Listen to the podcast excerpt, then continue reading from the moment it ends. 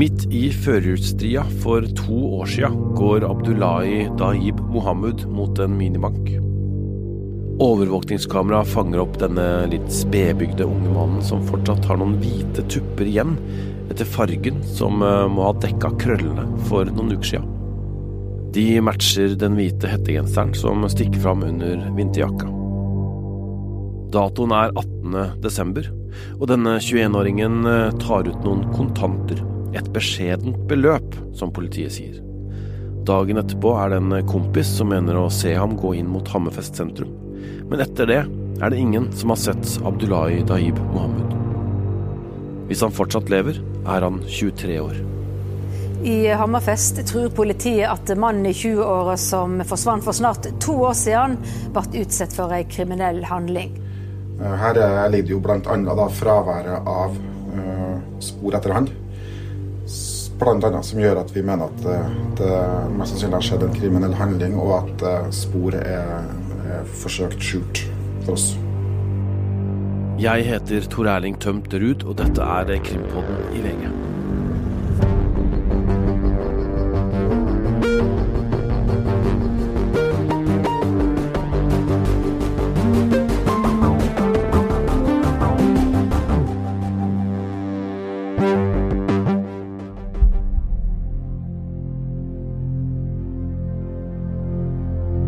Det ligger et eh, ganske tjukt lag med frost på bakken i området som kalles Prærien i Hammerfest.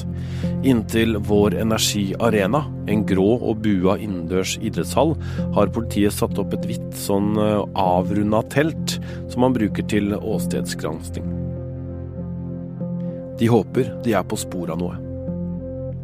Grunnen til at politiet graver akkurat her, akkurat nå, må vi tilbake til desember 2020 for å forstå. Før spora blir borte og familien melder ham savna, finnes det noen få observasjoner av Abdullahi. En av de siste er fra et offentlig kontor i Hammerfest sentrum, uten at politiet vil si noe om hvilket offentlig kontor det er snakk om. Det neste er disse kamerabildene, at han eh, tar ut penger. Dette mindre beløpet fra en minibank. Det neste politiet har fått greie på, er at Abdullahi og en kompis tar taxi til Rypefjord, ei bygd like utafor Hammerfest. Der mener de at han skal ha vært innom flere steder. Hos en kompis, på en fest i noen kommunale boliger, og så tilbake til eh, kompisen igjen. Da kameraten våkner dagen etterpå, skal Abdullahi allerede ha dratt.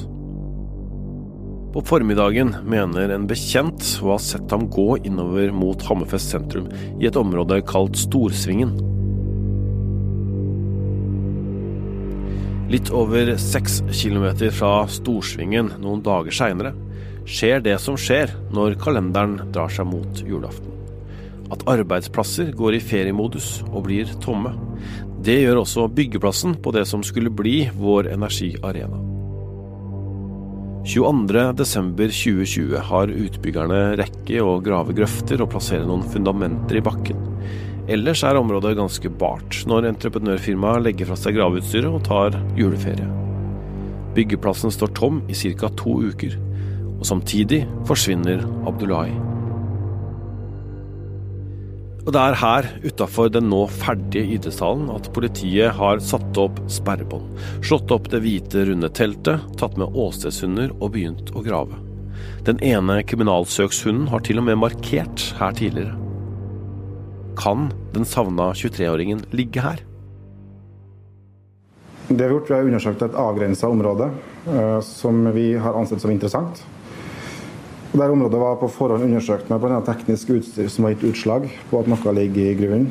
Uh, vi har også hatt en kriminalsøkshund som har gjort en markering på samme sted tidligere i høst. Så Dette er da bakgrunnen for gravinga som vi nå har utført.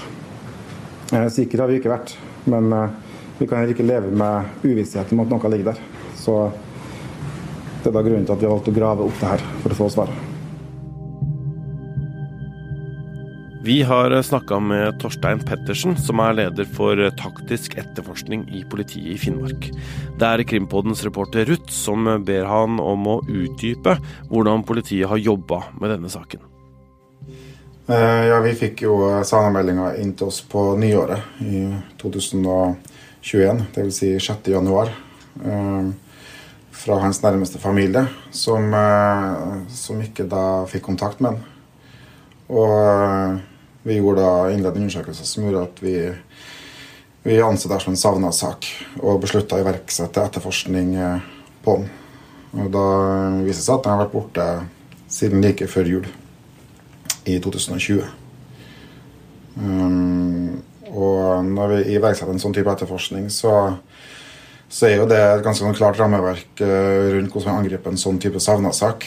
Og vi jobber alltid etter uh, fire fastsatte hypoteser innledningsvis som, uh, som, fanger, som skal da fange opp egentlig at etterforskninga er relativt målstyrt.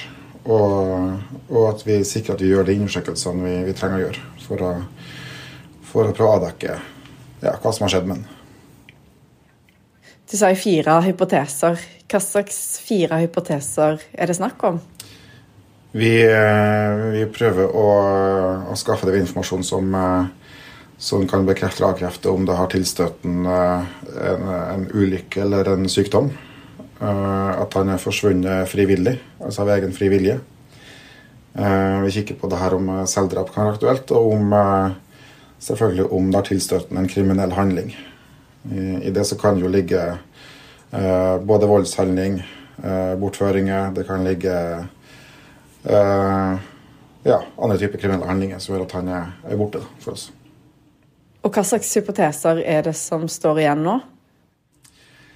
Vi har vel ikke 100 avkrefta noen av hypotesene, men vi, vi, står igjen med at vi mener helt eh, klart at det er mest sannsynlig at det har tilstøtt en eh, kriminell handling. Eh, og det er i form av en, en voldshandling som har gjort at den da har blitt tatt livet av. Og så forstår vi at Hovedhypotesen nå er at det kan ha skjedd en kriminell handling. Hva er det som ligger til grunn for det? Det er i bunn og grunn egentlig den omfattende etterforskninga vi gjorde både innledningsvis, men også underveis. Eh, det her eh, er jo betrakta som en savna sak, og, og, da iverksettes også omfattende søk i form av altså søk- og redningsoperasjon med både frivillig mannskap og egne mannskaper, hvor vi leter både i Hammerfest og, og da i nærområdet rundt. Og parallelt med det så foregår det en etterforskning og etterretning fra politiets side som skal da prøve å ta rede på bl.a. hvor han var sist observert og hans siste bevegelse. Da blir både vitner avhørt, og, og, vi snakker med andre som, eh, som har hatt kontakt med han eh, tett opp til forsvinninga. Og eh, summen av den informasjonen gjør da at man kan avkrefte eller bekrefte noen hypoteser, eller si at den ene hypotesen kanskje står seg sterkere enn den andre. Her ligger det jo bl.a. fraværet av spor etter han. Annet som gjør at vi mener at uh, det mest sannsynlig har skjedd en kriminell handling, og at uh, sporet er, er forsøkt skjult for oss. I to år har folka rundt Abdullahi levd med et stort ubesvart spørsmål. Hvor er broren, sønnen, kompisen eller naboen deres? Lever han? Søstera til Abdullahi fortalte til VG i forrige uke at det har vært eh, tunge år for familien som kom fra Somalia til Norge for elleve år siden. Og til Dagsrevyen så beskrev hun at eh, det er vanskelig å lege når de ikke veit. Vi kan ikke begynne å hile, vi kan ikke Altså, det er sorg etter sorg hver dag, da. Hvis de finner, så betyr det at han er død 100 det, det, det var liksom veldig dårlig, ekkelt følelse i, i hjertet da.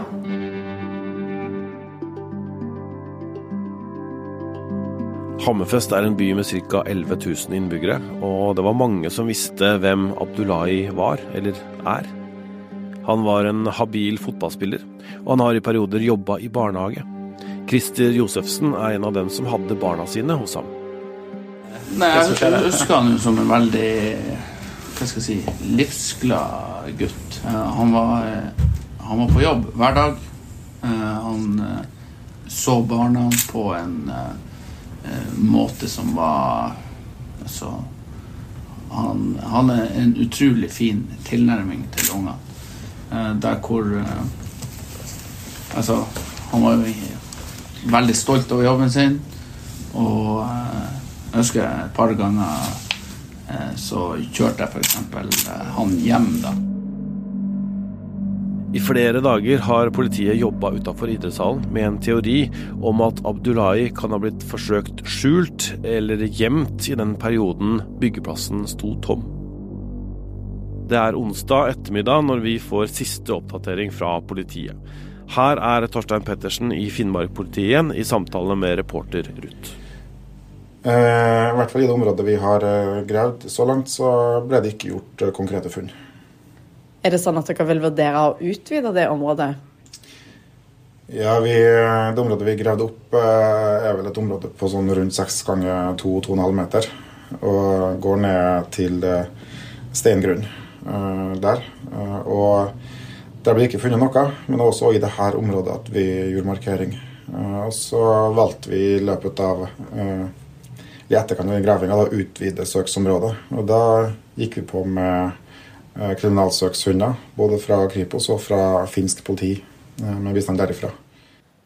Og nå vet vi jo at dere fant ingenting. Hva er det som eh, er veien videre for politiet i denne saken nå? Vi, vi er tilbake der vi, der vi, etterforsker denne saken bredt. Og det handler i veldig stor grad om å hente informasjon fra, fra noen som kan vite noe eller har observert noe. Og da handler det jo noe veldig mye om avhør av vitner. Og så har denne saken fortsatt status som en savna sak. Hva er det som skal til for at han eventuelt skulle fått status som en kriminalsak? Hva er det politiet må ha av informasjon eller andre ting for at han skulle bytte status, i så fall? Ja, det er klart at uh, en sånn sak er jo veldig vanskelig for oss å konkludere eller uh, sette en klar kategori på når vi mangler eh, eh, altså en død person eller savnede. Så, eh, så det vil bl.a. Eh, selvfølgelig gjøre at denne saken går over i en drapsetterforskning dersom vi finner avdøde og, og da funn på han som gjør at eh, den hypotesen forsterkes. Vi, vi ønsker selvfølgelig at uh, publikum som, uh, som kan ha informasjon om saken, her henvender seg til politiet og, og, gir tips. Og det som er viktig for oss, det er at eh, også informasjon som kan virke ubetydelig for den enkelte, eh, eh, at vi får kunnskap om det, sånn at vi får lov til å vurdere eh, holdbarheten i tipset. Det kan være små detaljer eller små observasjoner som eh, noen har gjort eh, også to år tilbake i tid, som, som for enkelte kan virke uviktig, men som for oss kan, kan være den brikken vi mangler. da for å sette dette i sammenheng.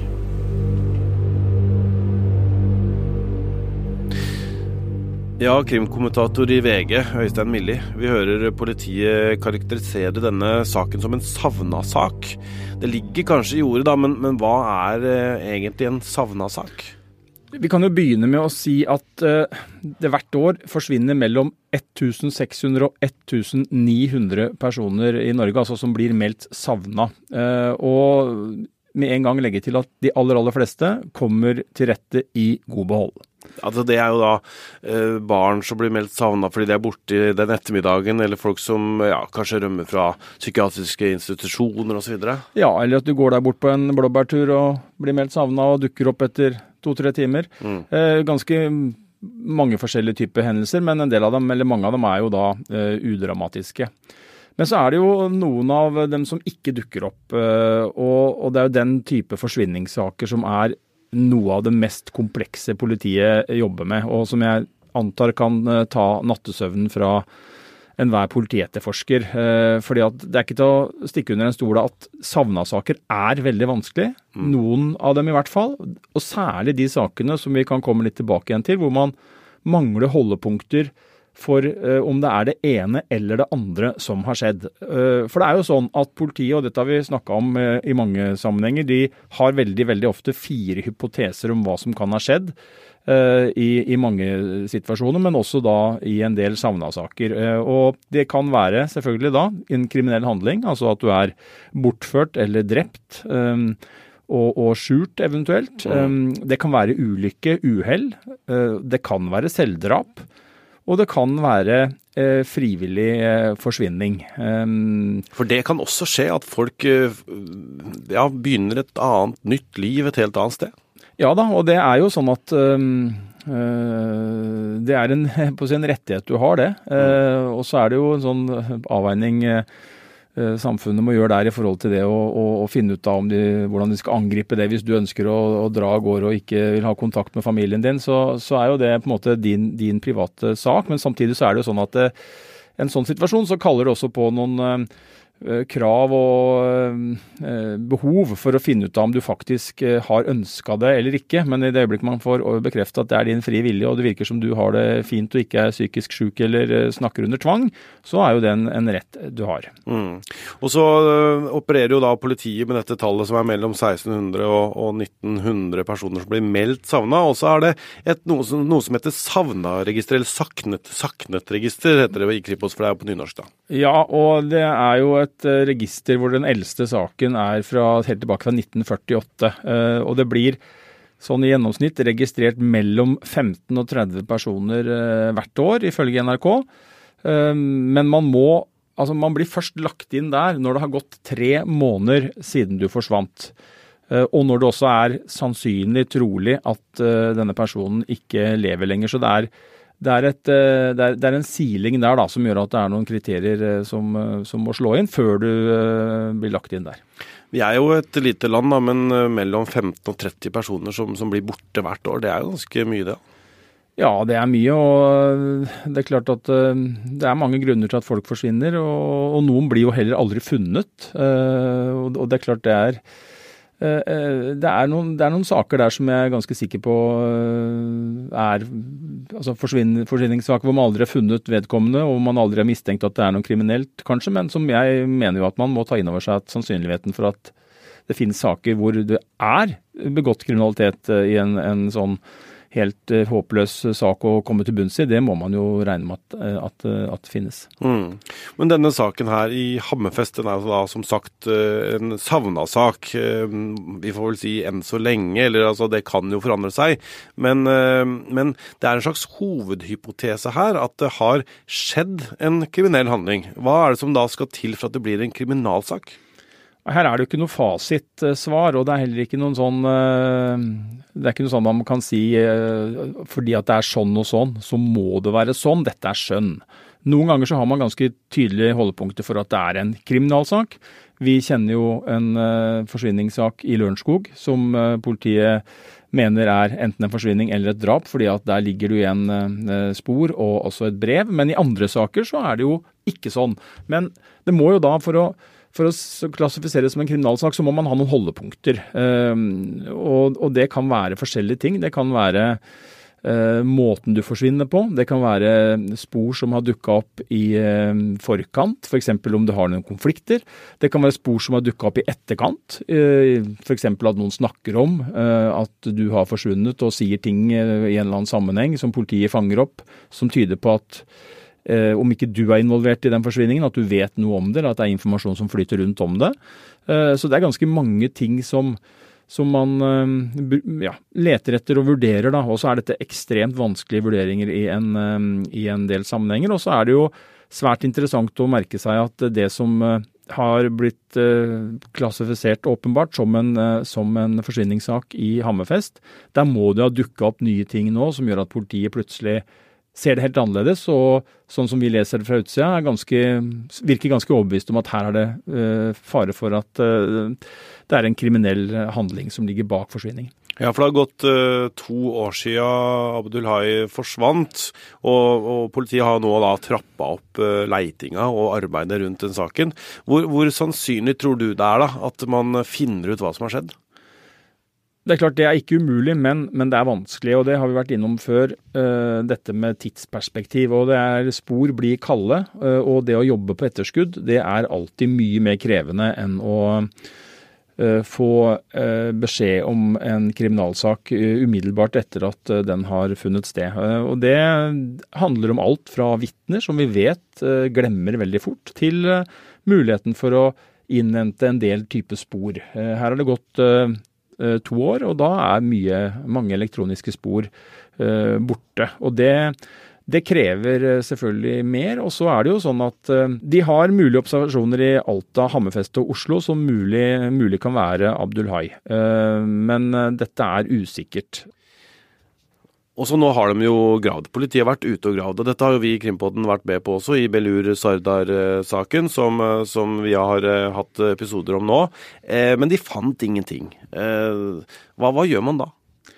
Nei, og det må man være forberedt på. Og det å ikke finne noe er også for så vidt en verdi. Eh, fordi at da, da kan man begynne å utelukke ting. Eh, men politiet sier jo at dette fortsatt er en sak som har eh, høy prioritet. Jeg tror jeg leste at Kripos var til stede med både taktisk og teknisk bistand.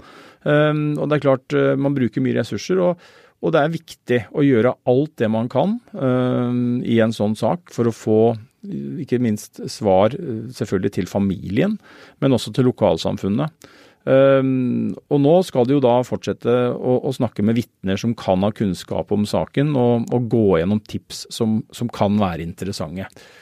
Hovedhypotesen nå er at det dreier seg om en kriminell handling som er forsøkt uh, skjult, uh, og hvor man også kan se for seg at det er flere involvert, altså at man leter etter medvirkere. Og hvis det slår til, så står vi overfor en, eh, for en svært alvorlig forbrytelse. En, en, nøye eh, planlagt, kan det være, eh, forbrytelse. Og som er grundig gjennomført, og hvor man har lagt vekt på å skjule sporene sine. Så det gjør jo ikke noe mindre viktig å komme til bunns i, i hva som har skjedd her, når vi hører at politiet har den type hypoteser. Og så forteller jo søstera til Abdullahi til VG at familien fram til forrige uke ikke hadde fått noen, eh, et tilbud om bistandsadvokat. Og hun sier at hun aldri har hørt om den ordningen før, før eh, VG nevnte det. da. Er det noe i denne saken som gjør at eh, familien ikke har rett på det, eller hvordan, hvordan er det der? Det er jo mange ulike kriterier og hensyn å ta i forhold til dette med også noen krav som oppfylles for å gi en bistandsadvokat. Og så vil jo jeg fra sånt legmannsprinsipp eh, si at eh, man bør i hvert fall eh, ikke legge lista høyere enn man må i en sånn type sak. Dette er jo en sak hvor man har mange spørsmål, og da vil en bistandsadvokat kunne være til, til stor hjelp. Og så har ikke politiet svart på våre spørsmål på om de noe, noe på tidspunkt i denne saken har opplyst familien om, om dette. Og vår kollega Preben Sørensen Olsen han møtte Jon Christian Elden denne uka og spurte, spurte han, som jo er en erfaren bistandsadvokat, om eh, hva Elden mente, og fikk også Elden til å vurdere denne situasjonen. Mm. Det er kanskje en litt rar tilnærming, for dette er jo en vurdering som retten må foreta fra sak til sak. Eh, og vilkåret er jo ikke at det er sannsynliggjort at det er en straffbar handling for å bistandsadvokat, men det skal være en mulighet for det. Eh, så hvis det er argumentert med at dette kan skyldes en straffbar handling, eh, så vil retten kunne oppnevne bistandsadvokat fra dag én. Ja. Eh, politiet begynte å etterforske denne saken 6.1 i fjor og sier at kriminell handling har vært en av hypotesene hele veien. I sommer, ut mot høsten, så fikk de tips om at Abdullahi kunne vært nedgravd ved Vår Energi Arena i Hammerfest. Når burde hans familie vært informert om muligheten for å få oppnevnt en bistandsadvokat? Hvis politiet arbeider videre etter en hypotese om at han er nedgravd, så må det forutsette en straffbar handling eh, i forkant. Eh, og da burde han i hvert fall fått eh, retten til å søke oppnevnt bistandsadvokat. Ja. På hvilken måte kan en bistandsadvokat bistå en familie i en sak som det her? Bl.a. ved å gå gjennom politiets opplysninger, ved eventuelt få inn andre opplysninger, og ved å peke for politiet i retninger som man ønsker prioritert etterforskning i. Eh, og det er klart at det å få ytterligere øyne inn eh, i en sånn sak, det vil jo politiet også selv kjenne på. Ja. Selv om det ikke nødvendigvis er betrakta som en krimsak, finnes det muligheter for skjønn i loven slik at man kan få utnevnt en bistandsadvokat selv uh, om det ikke er begått en kriminell handling. Hvis det er en ren savnetsak, ja. og det er på det rene, så vil man ikke få en bistandsadvokat. Men hvis det er mulighet for at det er en straffbar handling som foreligger, og at det ikke fremstår som en fjern hypotese, så er retten til å få det oppnevnt innfridd. Da kan man altså begynne å søke om det. Det trenger ikke være sannsynliggjort at det er en straffbar handling.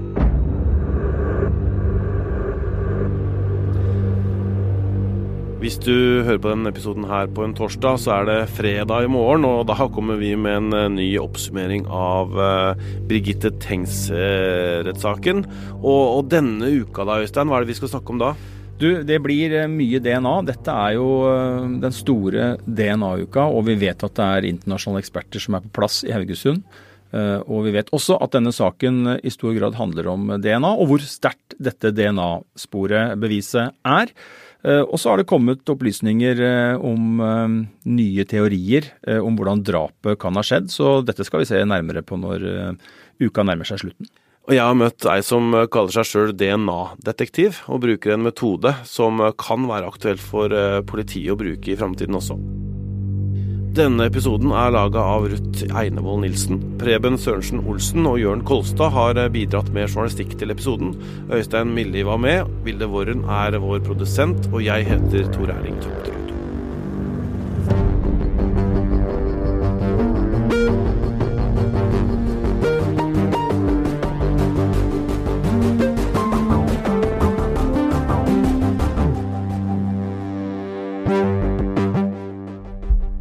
Har hørt en podkast fra VG. Ansvarlig redaktør, Gard Steiro.